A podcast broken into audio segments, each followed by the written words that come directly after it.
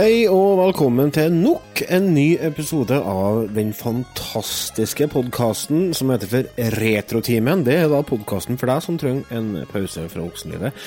Eventuelt det er en uh, digital podkast for analoge mennesker.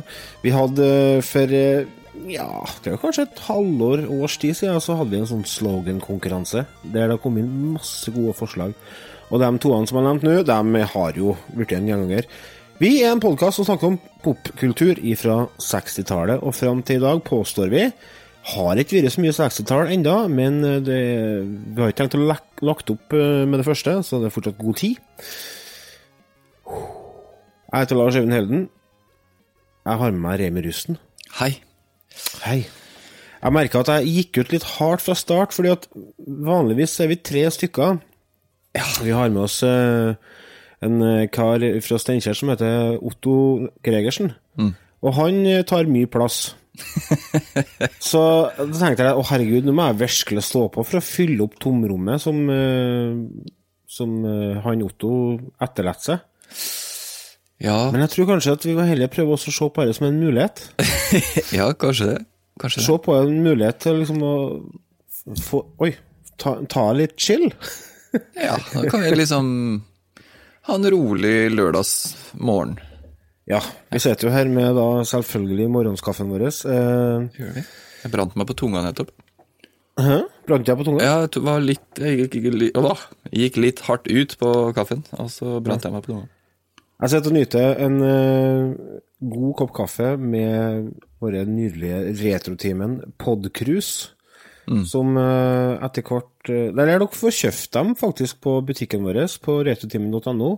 Men de kommer til å gå ned litt i pris snart. og i tillegg så vil det bli muligheter for å vinne dem igjen eh, i konkurranser som vi kjører her i podkasten, så det er bare å glede seg, for de er jævla kule. Ja, de er kule, og det er på tide med en konkurranse snart, og det er lenge siden.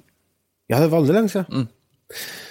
Otto han er jo på gay cruise, selvfølgelig. Altså, han har sånn, et sånn ritual der han to til tre ganger i året reiser til Karibia for å få tak i For å lete etter mister Rett, da, kan du si. Mm. Uh, og, og sier han ifra sånn i sist liten, da, for vi får på noen hoppebilletter, vet du.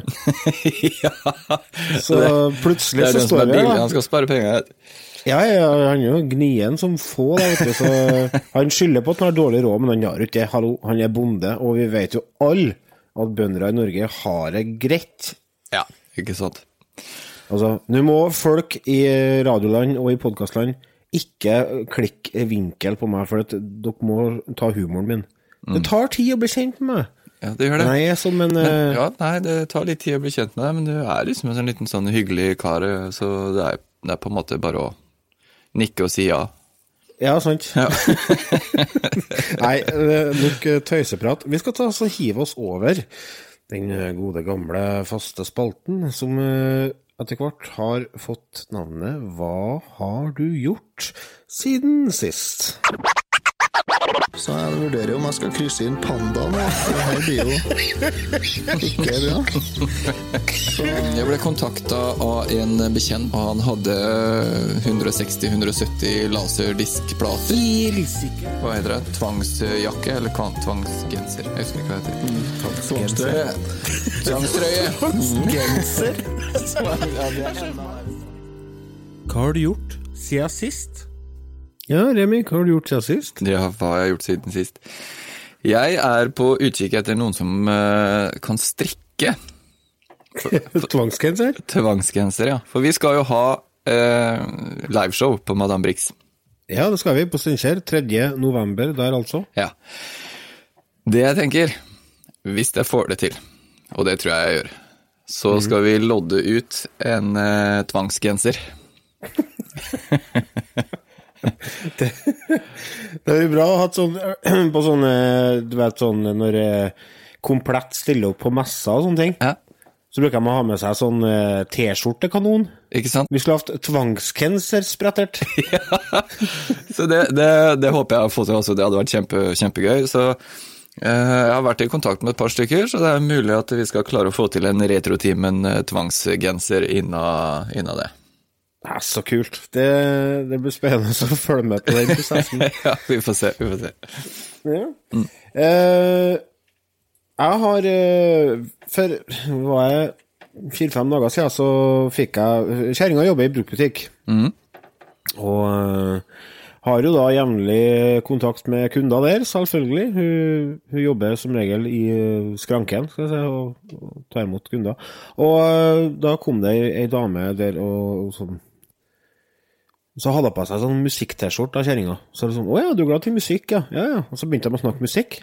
Og så sa hun dama der at 'Du, ta så sjekk ut de tre artistene her', og så tok hun Reiton som papirlapp, og så skrev hun tre navn på eh, arket. Og eh, liksom beskrevet litt sånn greit da, hvilken type musikk det var. Og så tok hun og kjerringa og sendte det til meg, og så sa henne hen, det tror jeg er musikk for deg. Jaha, tenkte jeg. Det har vært sånn musikktørke. altså hvis dere, dere kjenner dere sikkert igjen, dere som hører på. Når du passerer en viss alder, så blir det vanskeligere å ta inn ny musikk. Ikke sant? Fordi jeg vet ikke hva det har Det kan være emosjonell tilknytning til den musikken du allerede hører på, fordi at du knytter minner og opplevelser til den musikken, så det blir sånn Det blir mer enn musikk, da. Eh, og eh, det blir vanskelig å relatere til 18-åringer når du er 40, sant? Ja, det kan du si. Så det, så det er noe med å, å Det er derfor altså, jeg tror kanskje at man, når man passer en viss alder, så vokser man bare videre med de artistene som man begynte å høre på. Sånn som for eksempel Et Sånn godt eksempel på det er jo folk som begynte å høre på Springsteen på 70-tallet, for eksempel. De har på en måte vokst, blitt voksen i lag med Springsteen, og eh, fokuset til de folkene på en måte har endra seg i lag med Springsteen, fra å være f.eks. en 17-åring som har lyst til å bryte ut fra en liten by, til å bli en eh, politisk bevisst 30-åring, til å bli en 60-åring som eh, kanskje begynner å lukte på livets høst, og begynner å reflektere litt rundt det. Så det er en sånn prosess. Men i hvert fall, Eh, jeg fikk den lappen, og det sto det tre navn. Første var The Dead South. Det var jo et jævla kult band. Det var sånn uh, sørstatscountry med skikkelig eh, bra groove og kul vokal. Og så var det en som het for uh, Hva var han het for noe? Uh, Col Colton Wales eller et eller annet, men han- funka ikke for meg. Den musikken ble litt sånn uh, her er, Jeg hører at liksom det er talent, men stemmen gjorde at jeg ikke Det funka ikke. Men så kom nummer tre. Det var en kar som heter for Tyler Childers. Det er en eh, 27 år gammel eh, countrymusiker fra Kentucky. Han har gitt ut- to plater og to EP-er. Eh, første plata hans heter for Bottles and Bibles, eh, og den, eh, de to EP-ene er to live-EP-er som han spilte inn på et sånt radioshow eh, fra Red Barn Radio. Og så er det den siste plata som kom nå i fjor, tror jeg det var, som heter Purgatory. Eh, det er Jeg skal ta så spille en liten snutt ifra en låt som heter Tattoos, som er fra den Purgatory-plata. Du får høre. I'm now the one she left. A haunted tale for someone else. Little bit about herself. Wherever she is sleeping. Flint strikes out to pierce the dark. Cause a flame from just one spark fill the room with smoke so harsh. She exhales a memory. The past is fading still hanging on to life. I'm now used Første som slo meg, det var litt sånn Herregud, er det Kurt Cobain fra Unplugged-plata? Ja, litt sånn. Vokalen, vokalen. Ja. Og så begynte jeg altså, Jeg har sånn behov for å Altså, Hvis det er en stemme som jeg liker, og et uttrykk som jeg liker, så setter man det med tekstene med en gang. Og, og sånn For å sette meg litt mer inn i dem, og for å få enda mer relasjon til musikken. Og liksom hør på det her. I am now the one she left, a haunted tale for someone else. Fin måte å se på at eh, Jo, eh, for at man blir jo på en måte bestandig med eksen sin videre. Man blir et spøkelse for den nye kjæresten. han skal hele tida han, han får betale for dine synder, Ja. og han skal leve opp til din standard og helst overgå dem. Og så, a little bit about herself, wherever she's sleeping. Flint strikes out to pierce the dark, cause a flame from just one spark. Fill the room with smoke so harsh, she exhales a memory. Jeg får så frysninger. Det er så vakkert skrevet. Altså, for det første så Du er liksom allerede i en sånn cowboyverden med den country- country-greia. og så når han bruker sånne eh, metaforer og symboler som bål og flint og, og liksom Du, du ser det veldig for deg, og så gir det en sånn stemning som er Åh, jeg, jeg har frysninger over hele meg når jeg bare sitter og jeg- For nå hører jeg låta i hodet. For Du, du delte jo det med en gang uh, til oss Ja. på den Vi har en sånn chat på, på Facebook. Uh, og du delte Universal Sound-sangen. Ja. Annen låt, Even. En annen låt, ja. Og den har jeg hørt eh, også ganske mange ganger i ettertid. Jeg falt helt for den. Så jeg begynte å Så for, når jeg hører artister synger og sånn, så får jeg alltid et bilde av dem, hvordan de ser ut. Fordi at du, du hører jo stemmen, ikke sant. Og så du ja, jeg lager meg et bilde da, av hvordan på en måte sangeren eller sangerinna ser ut. Eh, og det gjorde jeg jo av Tyler òg. Eh, Så for meg en liten, tynn, eh, mørkhåra eh, amerikaner eh, fra Texas, typ, som satt og sang med gitaren. Ja. Men han er jo egentlig en eh, litt sånn eh, vikingtype. litt eh, stor kær med rødt eh, hår og rødt skjegg og, og Altså, ikke sånn jeg så for meg i det hele tatt. Men Nei. altså, det, det tar ikke noe bort ifra musikken, selvfølgelig. Men det var bare litt artig, for jeg, må, måtte inn og, jeg må alltid inn og se hvordan artistene ser ut. Mm. Det er en sånn greie jeg har, jeg vet ikke hvorfor. Men det er i hvert fall da ble jeg så overraska når jeg så hvordan han så ut i forhold til stemmen og musikken han lager. Da. Så det er litt sånn mismatch der, hvis du skjønner hva jeg mener. Ja, ja, ja. Og det som, er, det som fascinerer meg, er at altså, han er 27 år, men han skriver tekster som en Ja. 50-åring. Ja. Så tenkte jeg Harry Hen kan jo ikke være bare 27. Og så sjekka jeg ut noen livevideoer av ham på YouTube. Ja, stemmer det. Det gamle sjel, hører seg. Ja. Gæli gammel sjel. Ja. Du ser det på den måten han kler seg på og alt i hop. Mulig altså, det er et bevisst uh, uttrykk uh, fra hans side, men uh, jeg tror ikke han er bare 27, for å si det sånn. Nei, det er, noen mennesker har bare den, den gamle sjela i, i seg. Vi Vi må nesten gå litt videre, for vi har så sinnssykt mye å snakke om. Vi skal snakke om uh, to filmer og ett spill. Altså I tillegg så eh, nevnte du Sendte meg en PM. Du! Ta, har, å, den filmen her må vi kanskje prate om. Ja. Så sendte du meg traileren til den her, følgende traileren her, skal du få høre.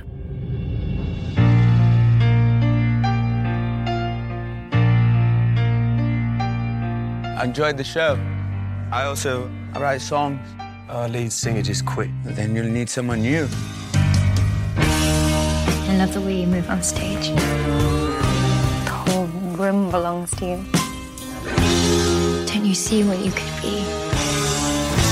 No one will play us on the radio. We need to get experimental. Do it again. One more. How many more Galileos do you want? Roger, there's only room in this band for one hysterical queen. Mark these words. No one will play a queen. Fortune favours the bold. Freddie, concerning your private life. What more do you need to know? I make music. I want to give the audience a song that they can perform. What's the lyric?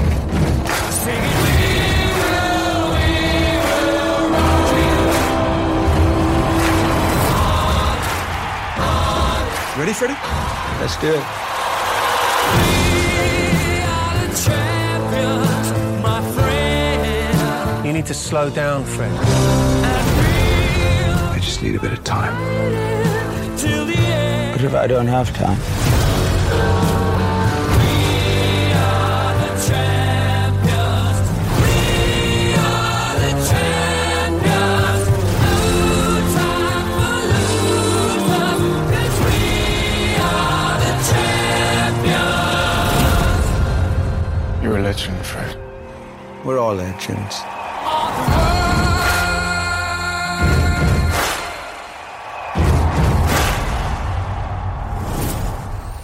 Å, himmel og hav, som jeg gleder meg til å se den filmen her. Ja, det er du absolutt ikke alene om. Dette var en trailer som jeg ble oppmerksom på sikkert for en ja, jeg tror det var tidlig sommer jeg så den. Og så tenkte jeg å ja, herre her, herre blir bra. Herre her blir bra.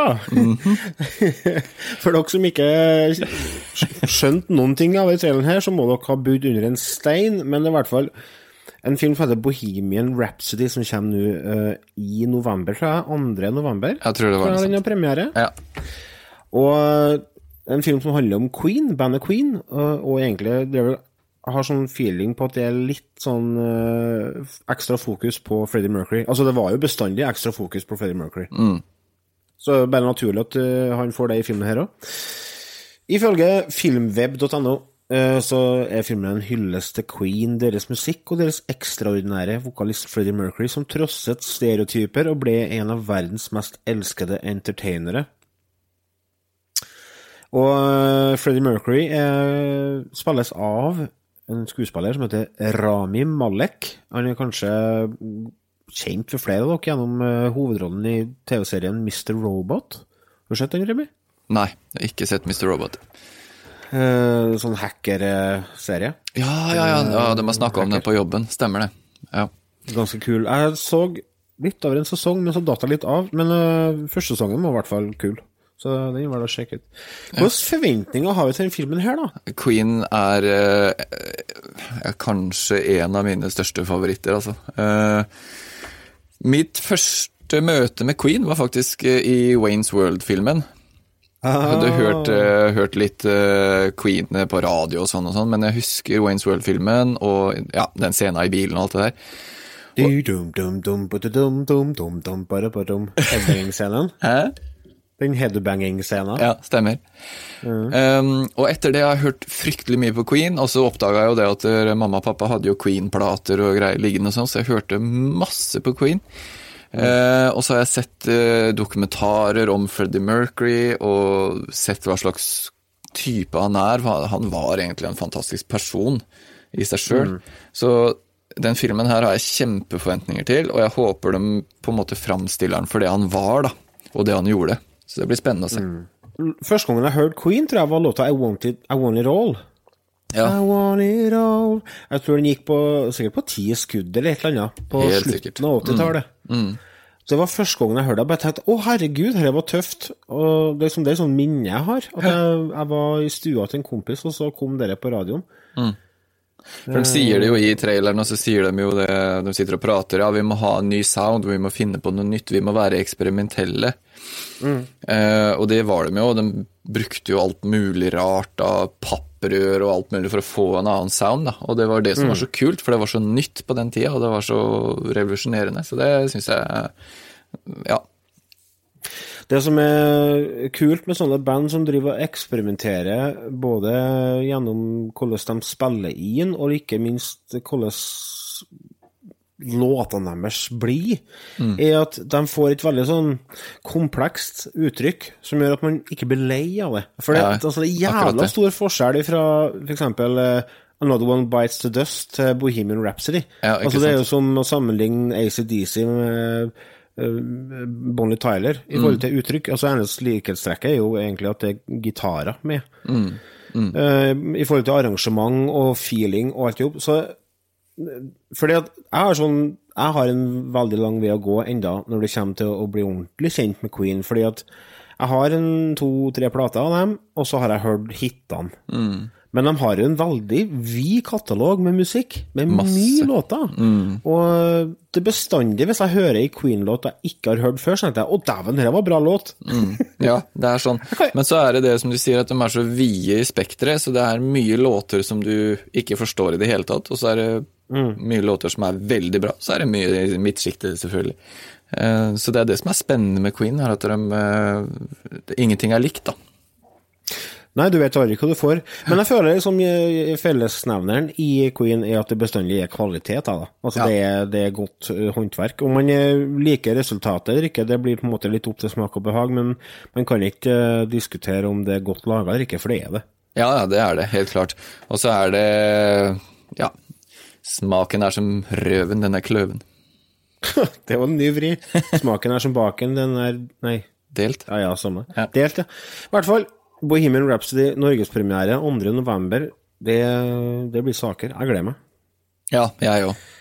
Vi skal ta oss og gå til en liten eh, pause, vi. Og så, når vi kommer tilbake, så skal vi snakke om det som kanskje har uh, blitt den mest hypa uh, skrekkfilmen de siste fem åra. Vi er straks tilbake.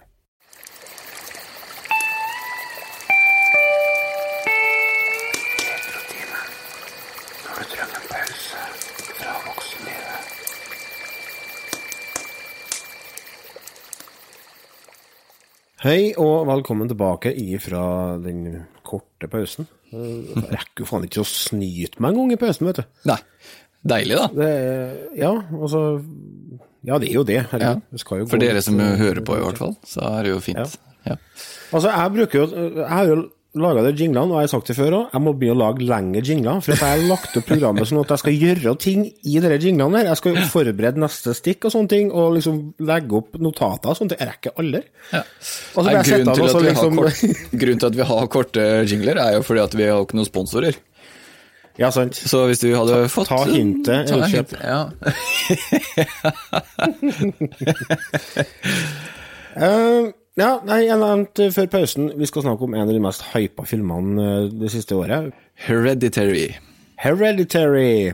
Arvelig belastet der, altså. Mm -hmm. uh, en film som kom ut i sommer, var det? Ja, april, tror jeg. På kino? kino? Ja. Og det var jo eh, vi, vi, vi kjører trailer som vanligvis, så får vi litt uh, feeling på det. Ja.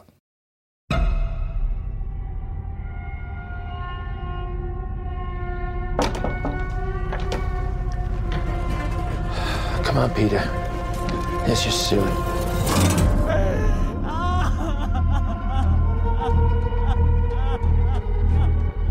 It's heartening to see so many strange new faces here today. I know my mom would be very touched and probably a little suspicious. My mother was a very secretive and private woman. It's Grandma, you know you were her favorite, right? Even when you were a little baby, she wouldn't let me feed you because she needed to feed you. She was a very difficult woman, which maybe explains me. I recognize you from your mother. What? Sometimes I swear I can feel them in the room. Oh my God. She isn't gone.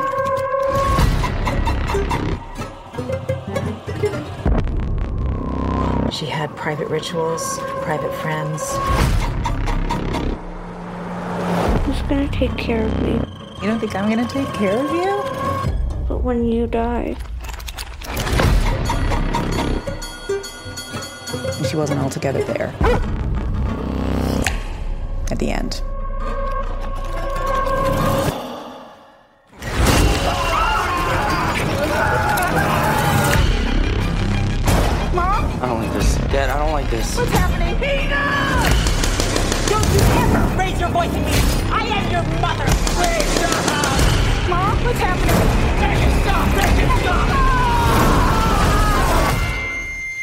I just don't want to put any more stress on my family.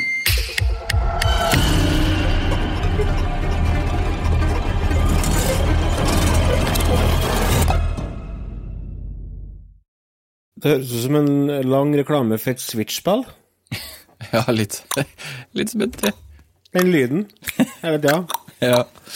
Skal være forsiktig med det eh, lyden, fordi at uh, hvis dere har sett Hereditary, så vet dere det at med den lyden her, så kommer ulumskheter. For å si det mildt. Dette her er kort fortalt en film eh, som handler om en families reise til helvete. Ja, Eh, kort oppsummert. Mm. Eh, det, det handler jo om en eh, familie på Er det fire?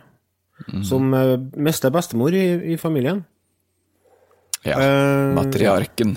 Mm. Overhodet. Som spilles av Anne Ann Dowd. Eh, og eh, mora, som spilles av Tony Collette, hun eh, holder en sånn uh, tale i begravelser.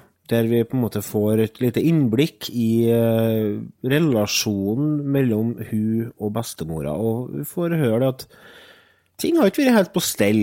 Uh, de har vært De har ikke hatt kontakt på lenge, og de har liksom flytta bort fra hverandre både på flere forskjellige nivå, skal jeg si. Eh, og Ja, hva skal jeg si? Altså, det, det, for det første så er det en eh, veldig merkelig film. Altså, vi får eh, Vi blir vitne til begravelser, og så blir vi presentert for familien. Da. Det er jo Annie som er mora, og så er det Steve som er kallen, inngifta i familien, Mm. som spilles av Gabriel Bird. Han er jo en kjent kar for mange. Og så har du Peter, han eh, er en 16 år, og spilles av Alex Wolff. Og så har du Charlie, 13-åringen i familien, i Weich, Mm. som vi etter hvert får feeling av at uh, hun der er ikke helt i vater, ja det? Ikke helt i vater. Nei, hun driver også Hun driver og lager sånne lyder. Og så driver hun og komponerer sånne merkelige figurer hele tida, som er helt sånn rar. Hun bare setter sammen biter av ting og lager sånne rare versjoner av mennesker. I motsetning til Eller sterk kontrast til mora, som er sånn miniatyrekspert. Og, og gjenskaper på en måte verden helt perfekt i miniatyrformat. Så akkurat allerede der så får du en sånn feeling av at her er noe som ikke er helt bra, for du får en så enorm kontrast til en som skaper en sånn uro. I hvert fall inni meg så fikk jeg det. Mm. Vi så Og- jo et eh, lite tegn på det, var jo når hun Charlie sitter på skolen, så flyr det en due i, i vinduet. Eh, og det ser hun, og så blir det litt blod på vinduet og sånn, og så er det friminutt, og da går hun ut med en saks, og så klipper hun hodet av den dua. Ja, ja, for hun ser jo muligheter, sant? Ja, så hun klipper av hodet på dua og tar med seg den og putter den i lomma. Eh, kjekt å ha, tenker jeg da. Ja, kjekt å ha, som Ja. man ofte gjør. Ja. Ja, for hun skal jo bruke hodet den til nok en sånn figur, da. Ja. Ja. Eh, Så de forsøker da å skape en sånn ambianse på hun Charlie, da, som ikke helt er eh, Passer inn i den eh, A4-familien. Mm. Og det viser seg det at eh, etter hvert så er det jo langt ifra noen A4-familie. Eneste som er på en måte litt A4-er, og eh, skeptiker til det meste som etter hvert skjer i filmen, det er jo en Steve, han som er inngifta i Eh, familien. ja. Og det med å være inngifta, det viser seg etter hvert at det var jo eh, flaks for han at han var Altså, dette blir en veldig spoilerfylt episode, har jeg feeling av, så hvis du ikke har sett denne filmen, så anbefaler jeg deg også kanskje høre uh, Spøl fram ti minutter eller noe. Ja. Eh, for det blir vanskelig å snakke om denne filmen uten å på en måte avsløre noe. Ja, for det skal sies at det er eh, lenge siden jeg har sett en film hvor jeg har gjort såpass mye notater som jeg føler at jeg bare må ta opp. Ja, men vet du Vi trenger ikke å snakke noe mer om sjøle handlinga i filmen. Kan du ikke Nei, bare ta, så, ta en runde på de notatene dine? Hvilke ting noterte du deg når du så filmen? Få høre. For det første, jeg syns de første 20-30 minuttene i filmen så er, øh, gjør regissøren en kjempejobb med å bygge opp en noe troverdig spenning. Han, mm. han, er, en, han er dyktig. Eh, sånn cinematography, som det heter. Den, øh, den er kjempefin. Mm. Får til lys og lyd og liksom måten og vinkel på kamera og alt mulig sånt nå, så får deg med liksom i, i følelsen av, av starten på filmen. Og han er ekkel. Eh, og, og han er flink til å bruke på en måte musikken eh, som en sånn eh, Ja, for at du skal få til et sånn skummelt soundtrack, da, for å få en stemning i filmen. Det får han til. Problemet med det er at han stoler blindt på det. At det er musikken som skal gjøre filmen skummel. Det syns jeg Det er det negative med det. Eh, Det er vel egentlig det eneste positive jeg har om å si. Altså, det skjer en del ting i den filmen her sånn som bare ikke er normalt. Altså, det er ingen mennesker som ville gjort sånne ting. Og det er det der jeg datt av, for etter 20 minutter, halvtime i den filmen, så datt jeg av, og så satt jeg bare med munnen åpen og bare rista på huet, og så bare tenkte jeg hva faen er det her for noe tull? For det første. Ja, for det, Jeg må altså, bare- før, du, før du begynner med punkt én, Ja. det skal sies at uh, verden har vært ganske splitta på denne filmen. Ja. Den har blitt kritikerrost helt oppe i skyene, men det er veldig mange som har vært og sett den, som har vært Hæ, hva er dette jeg sitter og ser på? Ja, for det, jeg har lest det at folk som har gått på kino, har sittet og hatt kjempeforventninger, og så ender det opp med at halve kinosalen går, og resten av andre halvdelen sitter og ler. Ja. Og det, da tenker jeg, da er det ikke mye skrekkfilm. Altså, jeg må bare si det. Altså, det, det skjer en ting i filmen her. Etter ganske tidlig så, så skal uh, han gutten i familien, han er vel 16 som sier, han er en sånn senior, han vil på en fest. På en sånn uh, college-fest. Ja. Uh, og da sier mora ja, men uh, ta med deg søstera di. Ja, men jeg har ikke noe lyst til det. Jo, du må ta med deg søstera di. Så litt sånn bisarr forespørsel fra en mor å be sønnen sin ta med en litt sånn mentalt uh, tilbakestående datter på en fest. Men han legger jo ikke fram som at det er en fest. Han legger jo fram det bare, sånn- bare en sånn sosial gathering. Ja, og med tanke på okay. at uh, lillesøstera er bare tre år yngre, så er det jo egentlig ikke så urimelig å si til broren at du tar med deg søstera di, så får hun litt sosial trening. Hun trenger det. Ja. sitter bare hjemme og klikker. Det kan jeg være enig i. Men han gjør jo ingen som helst motvilje da, på å ta med når han vet at han skal røyke weed på den festen. Ja, ja. ja, altså det var liksom bare Ja, jeg kan ta med, jeg. Og så bare tok hun noe med. Og det er jo én ting. Ja, for det virker, det virker som at han tenker at hun klarer seg sjøl. Ja, og det det. burde hun jo, det gjør hun ikke. Hun vet jo faen ikke hva hun er allergisk mot engang. Nei, hun er jo dødelig allergisk mot nøtter. Ja. Ja. Så det ender jo opp med at hun da spiser eh, nøtt, eller en sjokoladekake eller et eller annet med noen nøtter i på den festen. Devil's cake, hva du merket. Devil's cake. Eh, og da hovner opp i halsen og sier til broren sin at det skjedde noe her, jeg får ikke puste. Så han springer med henne ut i bilen, hiver henne inn i baksetet og kjører av gårde for harde livet. På vei til sykehuset så blir han jo Ja, det kommer et eller annet i veien som han svinger unna, og hun jenta da sitter med hodet ut av vinduet, for hun får ikke puste, så hun er jo egentlig livredd for uh, hun skal dø. Snakk om hodeløs holdning. Det er, ja, det kan du si. Du kan ikke sitte med hodet ut som en hund, vet du. Nei, da går det galt, for da, når du svinger unna noe i veien da, så treffer du en lyktestolpe, og da mister du hodet. Bokstavelig talt. Ja. Så det var jo det som skjedde med henne. Og det som skjer nå, det her er helt utrolig. Her bare rista jeg på hodet. Hun blir jo eh, hodeløs, så hun sitter jo da i baksetet og blør, og det er blod og sprut overalt. Han blir jo kanskje da Vi kan argumentere mot at han eh, blir eh, helt fra seg, vet ikke hva han skal gjøre. Så han kjører hjem. Lar hodet til søstera ligge på gata, kjører hjem, parkerer bilen i gårdsplassen, går opp og legger seg i senga og ligger våken til mor finner dattera i baksetet. Det er hans valg. Det gjør han. Han er jo i sjokk. Han er i sjokk, han er, han er i sjokk, og han har røyka weed, så han eh, er i sjokk. Så da forventer jeg at å, nå blir det et helvete, ikke sant, for at nå kommer politien inn, og han har røyka weed, og det liksom Men du ser ikke et døyt til politien. Ikke noe politi. Og etterpå, i neste scene nesten, så kjører de den samme bilen som dattera blir hodeløs i.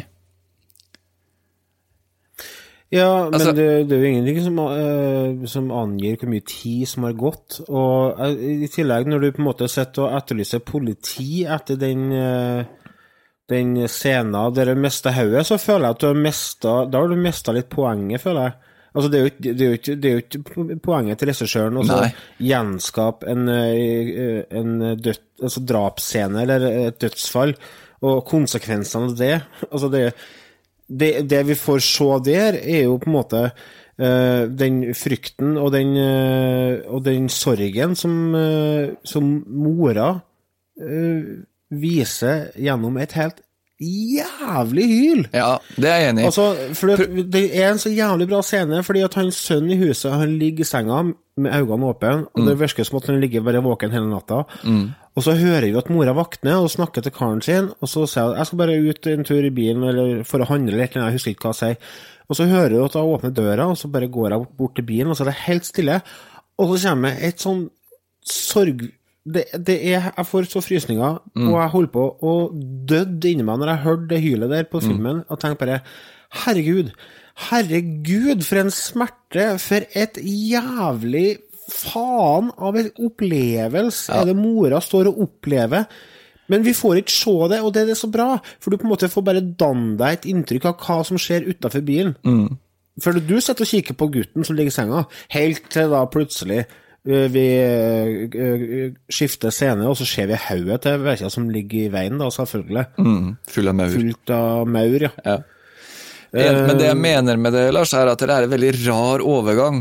Altså, overgangen i filmen gjør at du sitter og bare egentlig ikke helt skjønner altså, Som du sier, du, altså, du vet ikke hvor lang tid det har gått og sånt nå, så det er, det er ting som mangler, elementer som mangler, som gjør at I hvert fall jeg da reagerer. altså Sånn som at han er tilbake på skolen. Mm. Ganske tilsynelatende med en gang. Altså Det er en del elementer som mangler, som gjør at det, for meg så blir det helt rart og latterlig, og da mister jeg den der skumle følelsen jeg hadde av filmen. Mm. For det var helt fram til han traff den lyktestolpen. Jeg ble helt sjokkert da hun mista hodet på den lyktestolpen. Ja, det- sånn, Det hadde jeg ikke forventa i det hele tatt. Og det var så bra! Det var så bra måte å gjøre det på, og sånt noe. Men der døde det for meg. Fordi at alt etter det det at de på en måte kjører den samme bilen, og at han er tilbake på skolen, det er ingen som reagerer, at han på en måte har mista søstera. Så det er liksom så veldig sånn rar måte å gå videre i filmen, så det føles ut som han på en måte ikke helt visste hvordan han skulle gå videre etter det. Jeg skjønner hva du mener. Eh, jeg forstår akkurat Jeg forstår poenget ditt der, altså. Men, men jeg, jeg tror kanskje jeg så filmen på en litt annen måte, fordi at uh, det med tidsperspektivet Det bare antok jeg. Altså, I og med at eh, ting hadde roa seg litt, og han faktisk var tilbake på skolen, så tenkte jeg ok, nå har det sikkert gått en måned. Sant? Mm. Uh, og likeens så uh, den Filmen hennes starter jo med uh, en sånn vidvinkelshot uh, på et dokkehus, og så blir det zooma inn, og så på en måte uh, kommer skuespillerne inn i det dokkehuset, for det dokkehuset blir på en måte huset, da. Uh, og allerede da så skjønner jeg at henne hen er en film som er litt annerledes. Hen må jeg stille inn hodet mitt litt annerledes. Og så etter hvert så får vi jo eh, ta del i eh, familiehistorien til hun som heter for eh, Annie. Og får høre at det er mye eh, mental sykdom i familien, blant annet en bror som har hengt seg fordi at bestemora da prøvde å putte folk inn, som hun sier. Og likeens det var flere som har tatt Mora til mora var schizofren, og det var masse sånn. Så først så satt jeg og tenkte, er dette en film som handler om sinnslidelser og så arvelig belasta mentale sykdommer? Er dette en film som jeg må tenke litt annerledes på når jeg ser den? Ikke- Eh, Det kan, ja. gå, kan nok hende det, at den filmen her gikk rett over hodet på meg, og at jeg analyserer eh, feil her.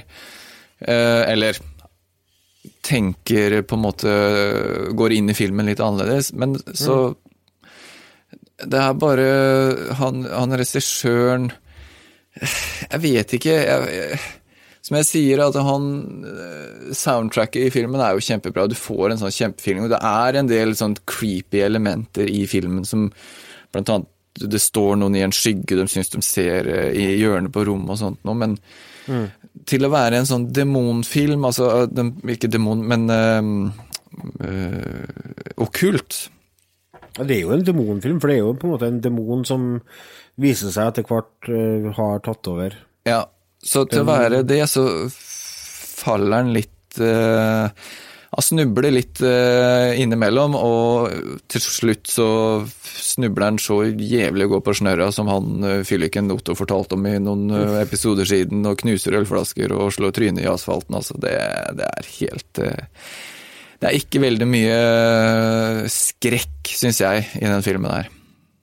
Ja, for, altså, mye av den frykten og skrekken på en måte i filmen for min del, det var den følelsen av at det var noe ondskap, som ikke jeg klarte å sette fingeren på hva det var for noe. Hva det er som skjer i den filmen. her. Hvorfor, hvorfor eh, er Veisa som hun er? Hvorfor eh, er det mora som er sinnssyk? Er det hun som driver og og terroriserer familien sin, og så eh, eskalerer det bare, sånn gradvis. og det, det er en sånn sakte, sakte oppbygging. altså Filmen varer rundt to timer. Mm. Den bygger seg så sakte opp, og så på en måte får den et uh, klimaks der det blir mer tradisjonell skrekkfilm. da. For det, altså det viser jo seg det at uh, eh, det er en eh, konge fra helvete som heter Paymon, som, eh, som er på utkikk etter en menne, menneskelig kropp, altså en vert. Mm. og eh, bestemora hun har jo vært sjefen for en sånn kult da, som har drevet lett etter en vert for en Paymon, kort fortalt. Mm. Men det som skjer da, på en måte, i, i de siste ti minutter av filmen, så blir det mer sånn tradisjonell eh, skrekkfilm med gory scener og sånne ting. Og da på en måte eskalerer opplevelser av de scenene så enormt, fordi at oppbygginga fram dit har vært så sein. Mm. Det er litt sånn, Jeg får sånn Rosemary's Baby-feeling. altså Sånn 60-70-talls uh, skrekkfilm. Ja, enig. Der det er lagt mye vekt på atmosfære og, og litt sånn merkelig, vet ikke helt hva jeg sitter og ser på feeling, skjønner du hva jeg mener? Ja, sånn som den første halvtimen var sånn. Første Ja. halvtimen var veldig sånn spesiell atmosfære, og da tenkte jeg å fy, det her kommer til å bli en skikkelig ekkel film. Men eh, vi skal ta oss og Vi skal ikke snakke noe mer om filmen. Altså, Nei, det, vi skal ta oss og Vi kan ta fram karakterboka. Ja. Du kan få En Otto han sa han sovna etter fem minutter, han orka ikke å se filmen. Nei, han sa det, han likte den ikke, sa han. Nei, så han, eh, jeg regner med han gir en noen, kanskje? Ja, noe sånt. Eh, jeg tror jeg ligger på Jeg hadde va- vanvittige forventninger. Blant annet så fikk jeg høre det at de har drevet og lagt Eller kobla på sånn Apple Watches på kinogårdene, og de har målt puls på 164 og greier. Og så tenkte jeg å herregud, denne her, her, her blir heftig. Ja. Så det ble litt nedtur i forhold til forventningene, men eh, jeg syns filmen var veldig bra. Den var veldig annerledes, det var noe nytt. Så jeg får en eh, M minus fra meg. Oi. Ja, det er ikke verst. Nei, det er bra, det. Ja. Som sagt, eh, jeg likte, jeg likte filmen den første halvtimen. Jeg syns han regissøren, eh, nå husker jeg ikke navnet hans, eh, fikk en veldig god følelse i begynnelsen.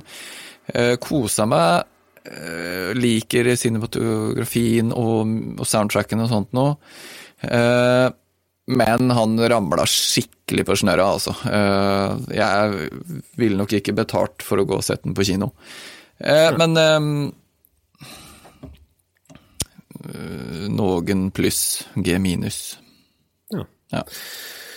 Vi skal ta oss og avslutte uh, hensekvensen med en uh, liten lydsnutt fra filmen.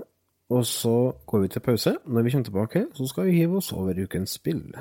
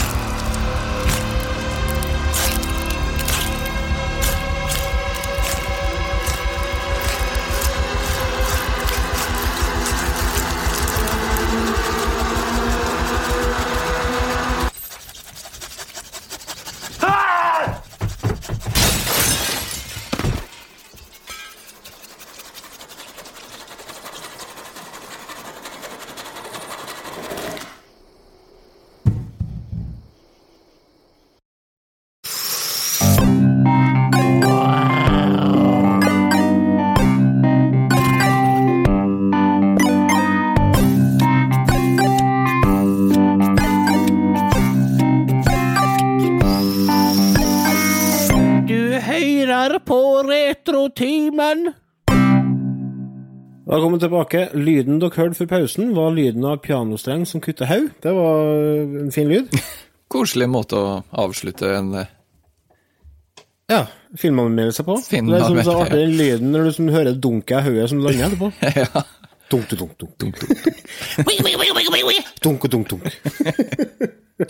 Nei, eh, vi hadde jo egentlig Jeg vet ikke om vi får tid til Retrotimen å anbefale. Vi har, jo, vi har jo sett en film også som vi skulle ha snakka om. Jeg vet ikke om vi Skal vi prøve å få til begge deler? Det er litt eh, Jeg vet ikke hvor mye vi har å snakke om det neste det- spillet vi skal snakke om. Nei, det er jo ikke så mye der, så vi rekker begge deler. Vi kan ta ukens spill først, og så ser vi hvor langt vi kommer.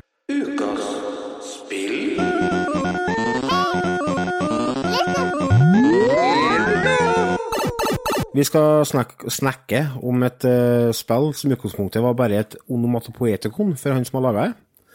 Eh, et uh, ord som han beskriver følelser Han, han beskrev som lydordet for torden, eller for eh, rumling i bakken. Vi snakker om spillet Gorogoa. Gorogoa. Som kom ut 14. desember. Var det i fjor, eller var det året før? 14. desember 2017, ja.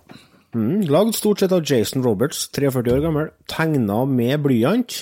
Ja, Eh, han har brukt eh, sju år på laget. ja, det, Hva det, det er med oss- det sier så. Hva det, hva det er med oss og de indiespillene der én person sitter på årevis? Jeg vet ikke. Det er labor of love. Det er noe som uh, ligger, ligger under der, altså. Eneste som han omtrent outsourca, var lyden og musikken. Lyden eh, ble sendt over til en Eduardo Ortiz Frau, som blant annet har jobba, med musikken til The Stanley Parable. Det har du prøvd? Nei. Nei, men du har hørt om det? Mm, Nei, google det. veldig, veldig, veldig spesiell spillopplevelse som jeg anbefaler. Eh, musikken uh, gikk først til en komponist som heter Austin Wintery, men uh, sendt i prosessen så ble han uh, sparka, og så ble det Joel Corell, det? Corellitz Corellitz. dratt inn. Ja, Han har laga musikken til bl.a. The Unfinished Swan, som er et eventyrspill til PS4. Ja. Og han sier jo det sjøl at grunnen til at han brukte så vanvittig mye tid på dette spillet her på laget, sju år, er jo fordi at han har aldri vært perfeksjonist. Men på, måten, på grunn av måten han spiller han henger sammen på, så var det at hvis han gjorde om på en liten bit, Ja. så medførte det så vanvittig store forandringer på alt i hop. Mm. Og det at han brukte sju år, eh, gjorde det at han gikk jo tom for penger hundrevis av ganger. skal jeg si. Altså, han hadde jo spart seg opp noe penger gjennom jobben som eh, softwareutvikler, Mm. men eh, det gikk jo tomt, da. For eh, han trodde jo selvfølgelig at han skulle bli ferdig med å spille på et par år, men det skjedde jo ikke. Sparepengene eh, forsvant, men så fikk han økonomisk støtte fra noe som heter Indiefund. Det er et eh, kollektiv av investorer som hjelper indieutviklere mot selvfølgelig da en liten prosent av fortjenesten. Mm. Uh, men årene gikk nå likevel, Uh, helt til det var et annet selskap som kom inn som heter Annapurna Interactive. Eh, for det som var greia, at Roberts han, han trengte det som han kalte en ekstern eh, kilde til disiplin. Han var litt udisiplinert. Så når Annapurna kom inn, så begynte de å sette deadlines og sånne ting, noe som da resulterte i at han etter hvert faktisk klarte å smøre sammen dette puslespillet her. Mm. For det er jo det som er eh, antageligvis eh, har vært eh, hans vanskeligste oppgave, er jo Altså, ideen hans var jo fantastisk bra, for det er fire puslespillbiter i en firkant. Eh, og hver puslespillbit er et kunstverk, kan du si. Ja. Eh, og når du skal spille spillet, for å komme videre i spillet, så må du pusle sammen de bitene her sånn, i forskjellige rekkefølger og, og, og måter å sette sammen bildene på. Eh, og eh, for hvert, hver bit av hvor lenger du kommer i spillet, så er det jo et nytt bilde. Og det er klart, det er det som antageligvis tok tid for han. For at noen av de puslespillbitene her sånn skal jo sitte sammen. Skal jo Ja. Henge sammen, og så før man går videre. Og det har nok det kanskje sånn ikke vært lett. Altså, ett bilde har jo på en måte og flere lag. Altså, Ett bilde kan Ja. eksempel være bilde av en gutt som står og kikker på ei trapp. Mm. i, som man ser i horisonten. Mm. Og så skal du på en måte øh, trykke på forskjellige ting i bildet som gjør at det forandrer seg. Som igjen gjør at det bildet øh, kan samhandle med et annet bilde. Som, som øh, for eksempel det, Den er rett fra spillet, da, der han på en måte går Han står på avstand og kikker på ei trapp. Så trykker du på trappa, og plutselig så har du på en måte flytta han gutten på sånn lang avstand inn gjennom bildet, så får han gått opp trappa, og så flytter du det trappa inn i et annet bilde, så kommer han over i en annen eh, del av bildet igjen. Altså det er sånn Det er vanskelig å forklare, men det er veldig nyskapende og kreativt. Veldig kreativt, og så har du jo vunnet en eh, hel rekke med priser. Eh, så, så mm, nytenkende, og, og så er det jo et, det er jo et puslespill. Eh, Mm. Et eventyr, adventure, puzzle.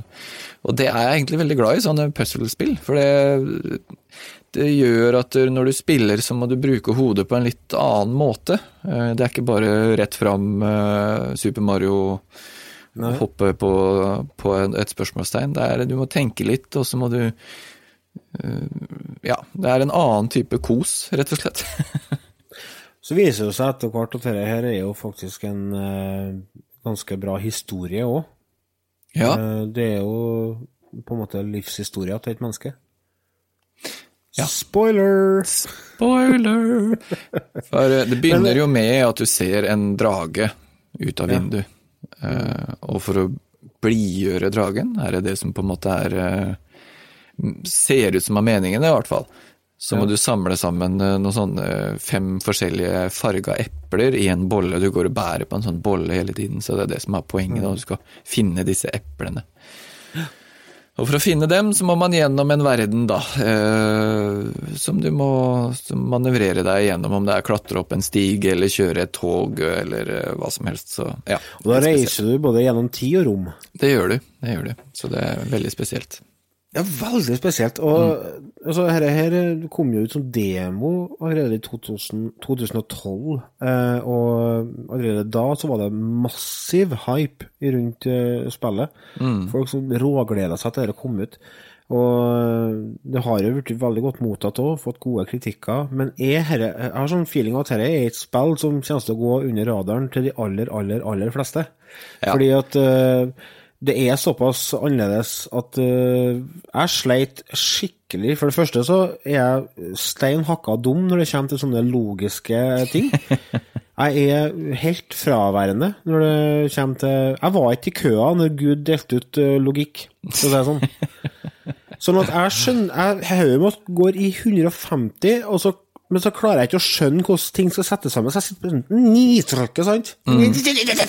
Og så blir jeg, blir jeg bare frustrert, og så faens jævla mannskittspill, det gidder jeg ikke. Jævla pretensiøse jævel som har laga den driten her, da. Og så legger jeg bort det, og så setter jeg meg og så leser jeg litt anmeldelser og sånne ting. Oi, faen som de skryter over spillet. Jeg må prøve en gang til, sant. Mm. Og så får jeg samme frustrasjon igjen, og så legger jeg fra meg, og så leser jeg enda litt mer, og så må jeg tilbake hele tida. Mm. For at jeg vil ikke gå glipp av noe. Sant? Altså, for det er noe her, tenker jeg, dette må jeg bare lære meg. Ja. Og så sakte, men sikkert, så klarer hodet på en måte å tune seg inn på den frekvensen som kreves for å kose dem i et sånt spill som Goro Gora Og henne hen eh, Ja, hvordan Ja, for det behøver ikke å gå fort, det spillet her. Og det, det gjør det ikke heller. Musikken og alt det er eh, veldig avslappa, veldig rolig. Eh, Så du har egentlig Du får en sånn send-følelse når du skal sitte og løse, løse oppgavene, så du trenger egentlig ikke å stresse. Nei. Og hvis du stresser, så tror jeg du runder det på tja, hva skal vi si, en halvtime, hvis du skal gjøre det fort. Ja, det er sånn hvis du er glad i sånne puzzles, altså puzzlespill, eh, Mm. og er ute etter en litt annerledes opplevelse, eh, så er dette spillet her absolutt verdt å sjekke ut. Ja, helt klart. Jeg òg gir, det- gir det en eh, G pluss, eh, og trekker litt eh, ned fra M-en der, fordi det er kort. Det er veldig kort. Eh, Men eh, spillopplevelsen og, og kosen jeg hadde med det, var helt klart en, en M, så et sånn midtsjikte der, G pluss-ish. Ja. Jeg likte det at eh, når du runder det, så får du en liten, eh, en liten ekstra eh, gave som du får inn i, i menyen din der, så det, det er verdt å, det var verdt, eh, var verdt å spille gjennom. Bare å sjekke ut, folkens. Eh, vet du, det var det vi rakk denne Ja, gangen. vi lovte en høre- film til, da, men uh, Ja, altså, jeg rekker tenker det at Hvis dere har lyst til å høre uh, vår runde på A Quiet Place, så tar dere og går inn på patrion.com slash retrotimen.